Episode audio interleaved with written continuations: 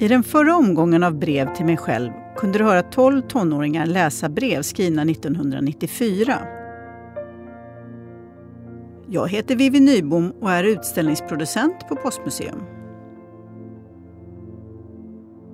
Nu ska du få lyssna på den vuxna Moas brev från 2014.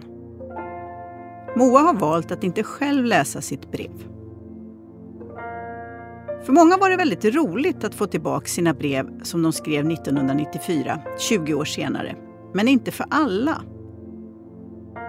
Jag tror att Moa tillhör en av dem som tycker att det var jobbigt att läsa det hon skrev då, för 20 år sedan.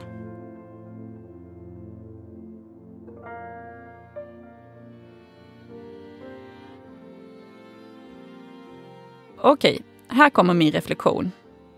Det här var mer pinsamt än vad jag förväntade mig. Var jag en sån här hjärndöd 15-åring? Jag trodde att mitt brev skulle vara lite mer gulligt pinsamt. Jag vill inte minnas att jag var den här fjortisen som tonåring, utan har en bild av mig själv då snarare som rotlös och förvirrad. Jag minns att jag längtade efter kärlek och trygghet. Jag trodde att framtiden skulle ge mig det, att det var något jag kunde ta för givet att det skulle komma. Att det kom till alla. Men så blev det inte så. Det smärtar att min förutsägelse i brevet till mig själv slog in. Det lär mig återigen att du attraherar det du tänker.